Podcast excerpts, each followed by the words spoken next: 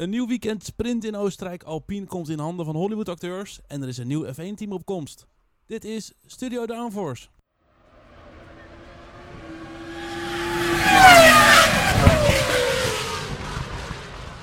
Ja, hallo allemaal en wat leuk dat je luistert naar een nieuwe aflevering van Studio Downforce, de 17e aflevering van het tweede seizoen. We gaan vandaag vooruitblikken op de Grand Prix van Oostenrijk op de Red Bull Ring in Spielberg. Dat doe ik niet alleen, dat doe ik samen met Elias.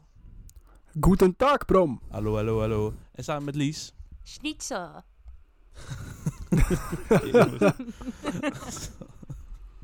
Zo- nou, oké, goed. Ja, dat klopt wel. Komt uit Oostenrijk. Het is niet zo. Ja. Eerlijk. Dat klopt, goed. Eh, we gaan eh, deze podcast vooruitblikken op de Grand Prix van Oostenrijk. Zoals ik al zei, we gaan sprintweekend. Het is dus een ander weekend dan normaal. Hoe dat zit, nemen we allemaal in mee. We hebben de downforce discussies. En ja, er zijn best wel wat discussies waar we het over kunnen hebben vandaag. Dus dat is fijn. Geen komkommertijd in ieder geval voor ons. En tot slot sluiten we hem af met het nieuwtje van de week. Week, week, week, week. Toch Lies? Week, week, week. Jazeker. Precies. Oh, kut! Nee, nee, nee. Voordat we gaan beginnen. Bra Elias, Elias, we moeten zingen. We zijn vergeten te Oh. zingen. Oh ja, ja, dat is waar. Lang zal die Lang leven. zal die leven, Lang zal die lang zal die leven, lang zal die leven in de gloria, In de in de gloria. gloria, In de in de gloria. Hyperpiep, hoera. Nou, ik dacht met de intro dat ik met een Jossie aan het opnemen was, maar dit Volgens bevestigt dat wel. het ook niet synchroon, dus dit wordt echt Nee, dat niet. Dat klinkt waarschijnlijk zo slecht, maar dankjewel Ja. jongens. Klopt inderdaad, 28 juni op de dag dat de podcast online komt en dan ben ik jarig. Ja, wat heb je allemaal gekregen? Gefeliciteerd. Ik heb Lego gekregen. Oh, sick. Dan ben ik weer jaloers. Ja, ja, ja nog geen eh, Formule 1 auto, maar die komt vanzelf. Joh. Oh. Dat, eh, de McLaren die, eh, die komt Staat op je vanzelf deze kant op. Ja, precies. Goed, Elias, voordat we gaan beginnen, je hebt nog een laatste berichtje volgens mij aan de luisteraars. Ja, beste luisteraars, jullie kunnen ons vinden op social media. We hebben Facebook, LinkedIn, Twitter en Instagram. Daar kun je ons volgen op studio.downforce. Goed, de schaamteloze pro- zelfpromotie, die hebben we weer gehad. Eh, nu door naar de vooruitblik.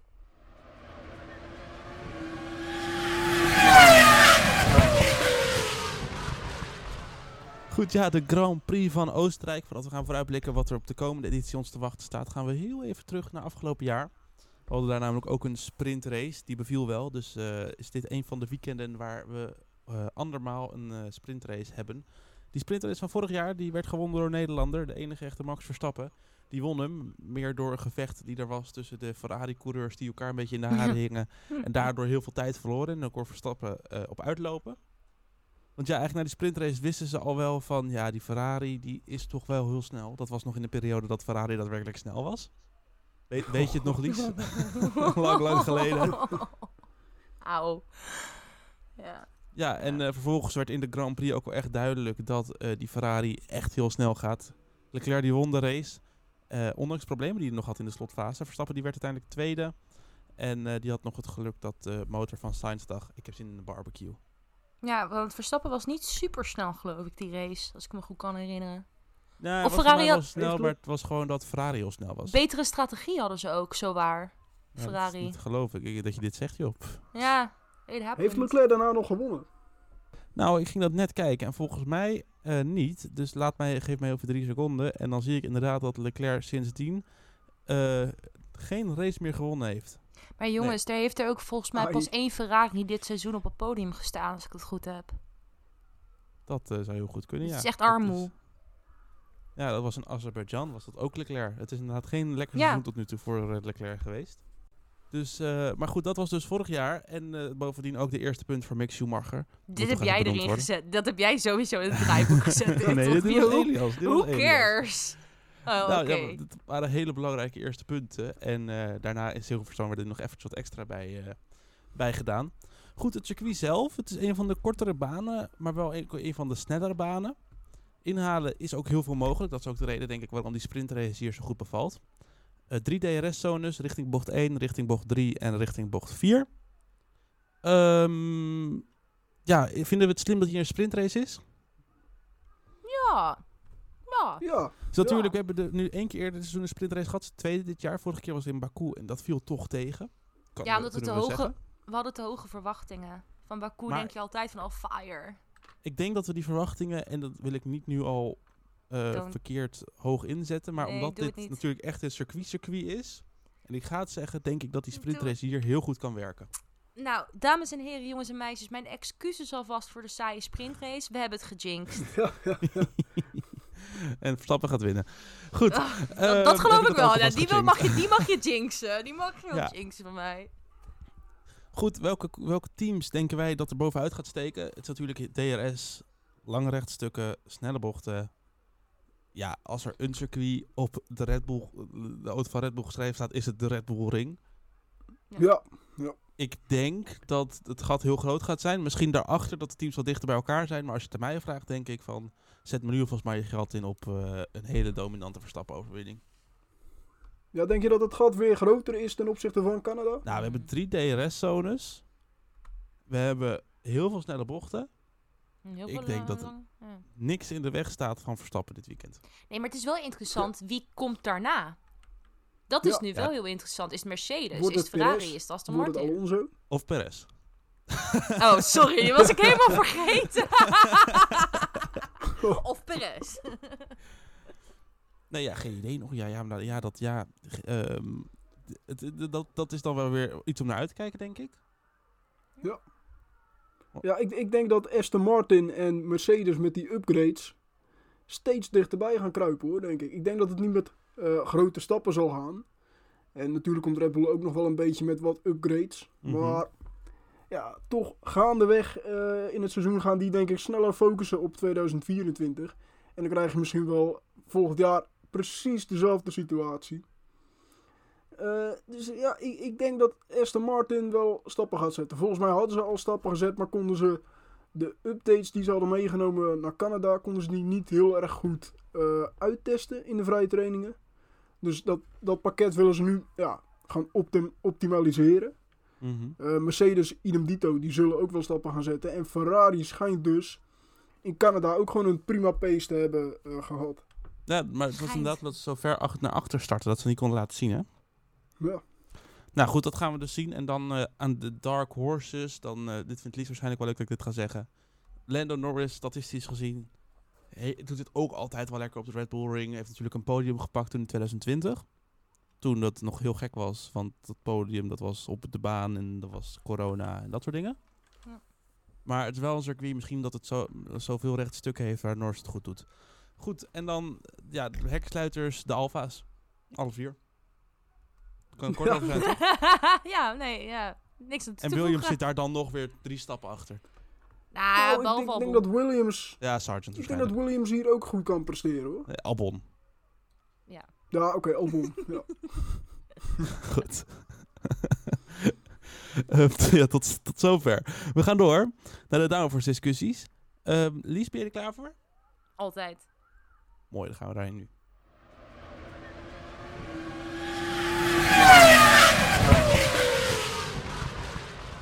De downforce discussies. Welke geruchten spelen er? Welk nieuws was er de afgelopen week? En wat vinden we daar nou precies van? Het zijn een eh, handjevol stellingen. Met als eerste... Haas moet niet met Hulkenberg en Magnussen allebei doorgaan in 2024. Wat? Wat?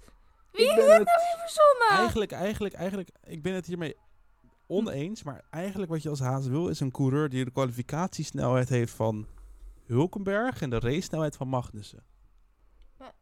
Ja, de, ja. Mm, mm. ja ik, ik, ben het, ik ben het eens met de stelling. Want Hulkenberg en Magnussen, het zijn allebei degelijke coureurs. Eh, nou ja, Hulkenberg, we zien dit natuurlijk in de kwalificatie elke keer. Ja, presteert op de toppen van zijn kunnen. Meer en dan echt degelijk. meer dan het maximale uit die haas. En je ziet toch dat Magnussen nu eh, het, het toch lastig heeft in vergelijking met Hulkenberg. In de race zijn ze wat meer vergelijkbaar met elkaar. Eh, dus ik ben benieuwd ja, hoe dat gaat aflopen. Ik denk wel dat ze het gaan doen. Ik denk dat ze wel gaan verlengen met beide coureurs.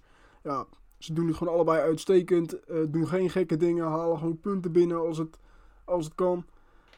Dus in dat opzicht geen gekke keuze. En volledig terecht, zou ik zeggen. Alleen, en dan, dan komt het. Zou je niet als haas zijnde dan na willen denken over een jonger talent naast Hulkenberg bijvoorbeeld? Want het, het lijkt me duidelijk dat Hulkenberg op dit moment eh, de kopman is geworden bij Haas. Dat klopt. En dat je dan misschien een jong talent eh, ernaast moet zetten. Bijvoorbeeld een eh Ollie Behrman. Nou, ik denk dat ze wel geleerd hebben van twee, twee jonge coureurs naast elkaar zetten. Ja, dat, ze dat dat- niet meer gaan doen. Ja, tuurlijk, Nee. tuurlijk. Ik, eh, ik weet het niet. Ik vind het heel lastig in te schatten. Want ik vind eigenlijk dat Hulkenberg en Magnus bijna echt wel meer dan decent coureurs zijn. Dus ik vraag me ook af, valt er meer uit die haast te halen dan dat zij nu doen? Dat weet ik Ja, niet. dat is de vraag. Dat is de Dat weet ik ook vraag. Maar puur omdat ik natuurlijk biased as fuck ben, ga ik gewoon zeggen dat ik het eh, absoluut eh, oneens ben met deze stelling. Stel dat er staat, uh, Maas moet het niet het contract van Magnussen verlengen. Ja, daar was ik het ook oneens geweest. Oké, dan gaan we naar de volgende. IndyCar-coureurs worden te snel opgehyped voor een kans in de Formule 1. Oh, Ik ben het eh, eens. hier heb ik een mening over. Eh, ik, ben het, ik ben het helemaal eens. Waarom? Is die IndyCar mensen... Er zijn veel meer plekken binnen IndyCar te verkrijgen dan binnen de Formule 1. Dus de mensen die in IndyCar zitten, die hebben al een racecarrière. Waarom de fuck zou je dan zo'n kostbaar zitje van de Formule 1 willen inpikken voor eventueel jong talent... wat nog niet ergens in een grote belangrijke klasse rijdt? I don't get it. Kijk, dat je als van Formule 1 of, of als Formule 2 of Formule 3 coureur je kansen zoekt bij IndyCar. Oké, en dat is nu alleen maar omdat er niet genoeg plek is in de Formule 1. Maar in theorie heb ik zoiets van: laat Amerika lekker Amerika zijn. Laat, laat het eh, eh, Formule 1 lekker Europa zijn. En eh let it be. Ja, het is een beetje wat je nu krijgt, omdat natuurlijk Liberty Media er zo bovenop zit nu in Amerika met Formule 1. En dat snap ik wel. Want Dan ga je de Netflix- vergelijking krijgen en dan gaan de coureurs ook denken van... hey, die Formule 1 die is eigenlijk best wel leuk. Misschien Ja, moet maar ik het daar eens zijn- gaan kijken. Weet je, het zijn ook twee totaal verschillende auto's en verschillende werelden. Want ik bedoel, een, eh, kijk even naar onze, onze Grosjean, de pannenkoek. Die rijdt, die rijdt in de, in, wat is het, in de top drie of zo van IndyCar. Het, Maar wordt er ook als spankoek gezien hoor. Dus in principe is daar niet heel veel Dat anders. klopt, maar dat is omdat hij af en toe als een tornado ergens tegen iemand een baan beukt. Ja, dat klopt. en niemand mag hem daar. I love it. Dus, dus ja, nee, ik, ik inderdaad, ik, ik ben het dus hiermee eens. Eh, Nou ja, ze worden, het is niet per se dat ze te snel opgehyped worden, want ze verdienen de hype. Maar ze verdienen gewoon geen kans aan de Formule 1, want ze hebben al een kans in IndyCar. Punt. Ja, als Marcus Ericsson vooraan rijdt in je klasse, dan... eh, Ja, ja nee, maar, maar echt, echt waar. Als die de Indy 500 kan winnen, dan... eh, Maar betekent dat dat wij denken dat, dat drie, twee, drie vierde van het Formule 1 veld de Indy 500 zou kunnen winnen in IndyCar? Of een race in de IndyCar? Nou ja, daar lijkt het nu, ondanks het zijn hele dat verschillende auto's, maar het lijkt, ja, wel daar uit jou lijkt, hoor. daar lijkt het serieus wel op. Want al die ja, rookies die- uit de Formule 2, die doen het ook goed. Hè? Die Loenkaart doet het goed, Armstrong doet het nu goed. Eh, wie hebben we nog meer? Die andere, die andere Scandinavië. Callum Island. Island inderdaad. Die bedoel ik niet, ja, dit is geen Oh, Scandinavië, maar, maar... die Takuma Sato, oud Formule 1 coureur, die heeft natuurlijk ook echt op eh, dik in de 40 heeft hij nog de IndyCar volgens mij. De Indy 500 heeft hij twee keer gewonnen. Nog een argument, je kan ook langer door. Je, kan ook, eh, je, kan ook, je hebt een langere carrière als IndyCar-coureur dan in de Formule 1. In de Maar- Formule 1 Ja, maar dat, dat, Ja. dat werkt ook de andere kant op. Dan denken coureurs van, ik ga nu even een paar jaar F1 proberen en ik weet toch dat ik in de IndyCar wel terug kan komen. Ja, maar zo moet, Ja, het, maar moet kijk, het, is moet het dus natuurlijk- niet. Ja, We hebben, het- we hebben natuurlijk eerst, eerst hebben we Colton Hurta gehad natuurlijk, die vorig seizoen eh, ja, bijna een zitje had bij Alfa Tauri. Waren het niet dat de FIA toen zei van, oh maar wacht eens even, je hebt niet genoeg punten en die ga je ook niet eh, bij elkaar sprokkelen op tijd. Dus dat ging toen niet door. Eh, ja, nu zien we in de IndyCar dat hij toch een beetje ja, wi- wisselvallig presteert, Hurta. En Ja. nu zou dus Alex Palou in de belangstelling staan van twee Formule 1 teams volgens Nelson Piquet. Piquet of Piquet? Piqué, Piqué. Piquet. Nelson Piquet. Eh, voor 2024 zou Palou volgens mij in de belangstelling staan van Alfa Tauri. Nou ja, eh, hij heeft natuurlijk een reserverol bij McLaren, maar daar hebben ze Piastri en Norris al. Dus tenzij Norris vertrekt, zie ik dat niet gebeuren. Maar Maar ja, Palou natuurlijk wel eh, ja, een kampioen in de IndyCar. Eh, ook de kampioenschapsleider. Ja. Dus wel een goede coureur, maar de vraag is, is hij goed genoeg? Hij heeft wel al een vrije training gereden natuurlijk, in Austin. ja, maar hij zit dus echt in het hoogtepunt van zijn carrière. Wil je dat risico nemen om dan een overstap te maken? Ik bedoel, eh, kijk hoe Daniel Ricciardo eh, is, is vergaan steeds. Die maakt dan een overstap van Ja, maar dat 10, is- maar... Ja, dat is in de Formule 1 nog. Ja, maar kan je nagaan hoe het is? Ik bedoel, ik, ik zou als Palau zijn, dan zou ik, denken, zou- zou ik denken van... eh, ik zit hier helemaal, helemaal prima. toch? hey, ik heb een vraagje, jongens. Ja. Ik zit hier over en ik hoor jullie te discussiëren. En we hebben natuurlijk over de overstap nu van Amerika naar Europa.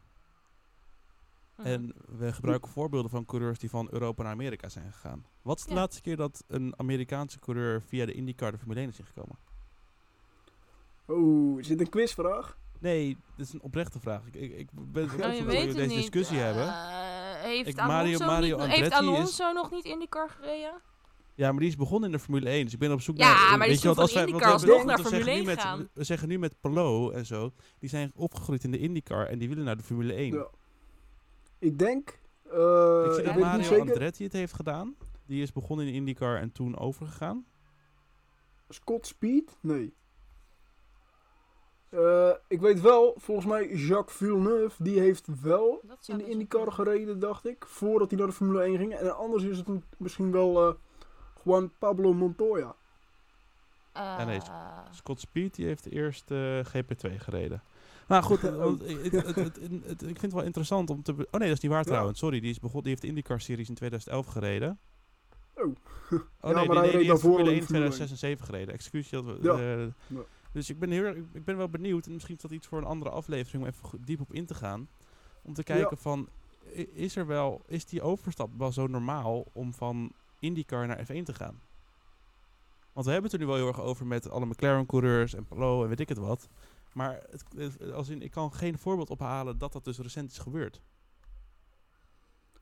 Nou goed, dat was even een gedachtescheet. van mij. Nee, dat is een Ehm, goede willen we naar vraag. de volgende stelling? Het is echt een goede vraag. Ja, ja. Dan houden we deze, even, deze vragen vast voor een eh, toekomstige aflevering. De derde stelling van vandaag. Alfa Tauri heeft een ervaren coureur, coureur nodig om de weg omhoog in te zetten. Oneens. eens. Eens. Mm, Dit is Maar naar aanleiding van het nieuws dat Ricciardo en Red Bull het allebei wel zien zitten om eh, die Alfa Tauri in te gaan. Ja, ik Dus zie dat het ook wel Ricciardo- zitten. vraag is alleen... Dat Ricciardo die, is- dat stoeltje overneemt. Van waarschijnlijk de Vries als Tsunoda blijft en anders van Tsunoda. Ja, Kijk, de vraag is alleen natuurlijk of Ricciardo eh, zo goed is in het doorontwikkelen van een auto. Of bij het eh, feedback geven van een, eh, ah, ja, aan, de, aan de engineers. ja, zeker waar. Want het schijnt dus dat die best wel beperkt is qua technische kennis. Ja? Eh, om, om feedback door te geven. Ja, dat schijnt dus ook bij Red Bull al een ding te zijn Oh. geweest. Alleen ja, toen kreeg je natuurlijk een auto die echt op zijn rijstijl was ingericht. Ja, en dan kom je bij Renault en McLaren en dan loopt het opeens een stuk minder soepel. En Ja. dat schijnt dus een van de redenen te zijn geweest waarom het ook niet heeft, ja, wa- waarom het niet goed is gegaan bij McLaren.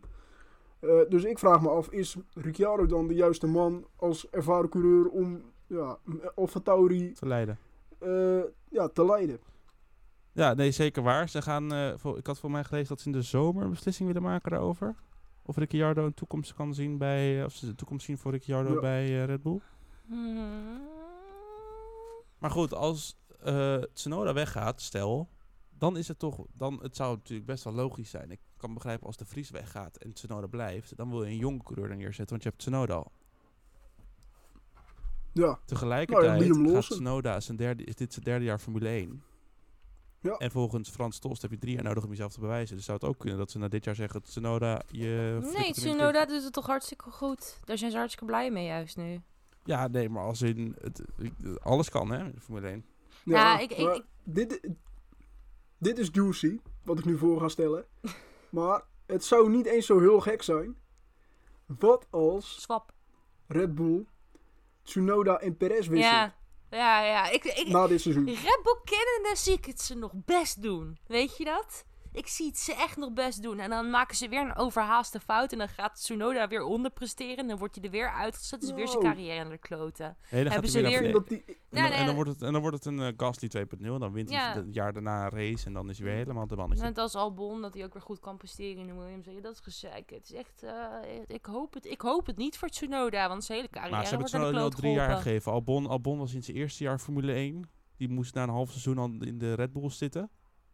Ja, Dus ik denk met drie seizoenen dat het, dat het zeker... Ik sluit het niet uit dat het kan gebeuren. Nee, ik durf het ook niet uit te sluiten. Nee, maar ik... eh, de vraag is alleen, wil Perez dat?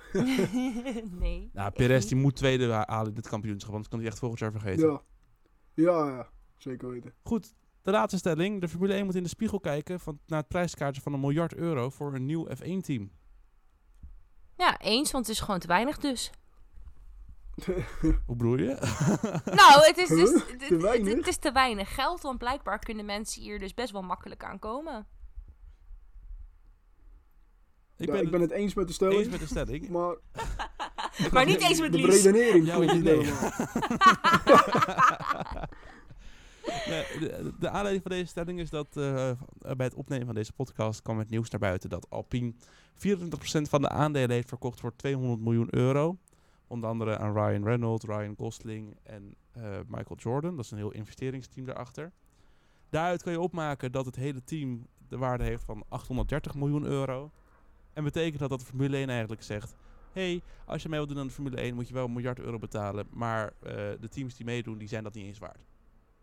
Nou ja, die te- teams die meedoen, die zijn dan dus eh 510 miljoen waard. Want je moet toch de meerderheid van de aandelen hebben? Of 510 miljoen. Ja, nee, klopt. Nee, klopt, klopt, klopt. Dus, dus, dus ik, vind, ik vind dat weinig, jongens. De miljard of de 200, 200 miljoen voor een kwart van het bedrijf? Eh, bij, beide, beide vind ik het eigenlijk. Ik Want als vind, je ik kijkt vind dat, het veel te veel. Als je kijkt dat een, eh, dat een investeringsgroep, eh, zoals een, eh, met, met een van de Hollywood-sterretje, nou oké, het is wel een ster, maar oké, dat, dat die gewoon 24% kunnen overkopen. Ik vind dat nog wel wat. En kunnen ze dan ook meer dan 51% overkopen? Dat alleen Alpine nog de naam zeg maar kan houden of niet? Ik bedoel, ik, ik, ik, ja, Ja. I have so many questions. Maar tegelijkertijd, hè, 200 miljoen, dat is gewoon anderhalf jaar budgetcap. Ja, maar daarom vind ik het dus ook in, in ver- als je het vergelijkt met de budgetcap, vind ik dus dat een team zelf best wel weinig waard is. Want je spendeert in een jaar inderdaad gewoon, eh, weet ik veel hoeveel miljoen. Ja, maar ja, is dan dus de vraag van, wil je als Formule 1 team wel zoveel uitgeven om erbij te horen? Of denk je, hé, hey, nou kijk, ik geef wel, eh, we doen de helft daarvan. We kopen meer een deel in van eh, een Alfa Romeo, wat Audi nu heeft gedaan. En we gaan gewoon meeracen.